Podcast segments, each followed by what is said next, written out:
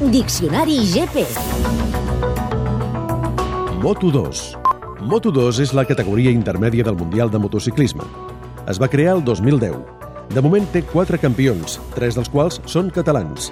Toni Elias, Marc Márquez i Pol Espargaró, a banda de Stefan Bradl. Les motos són xassís prototip amb motors Honda de 600 centímetres cúbics i quatre temps derivats de la sèrie. La marca dominant actualment és l'alemanya Kalex. Thank you.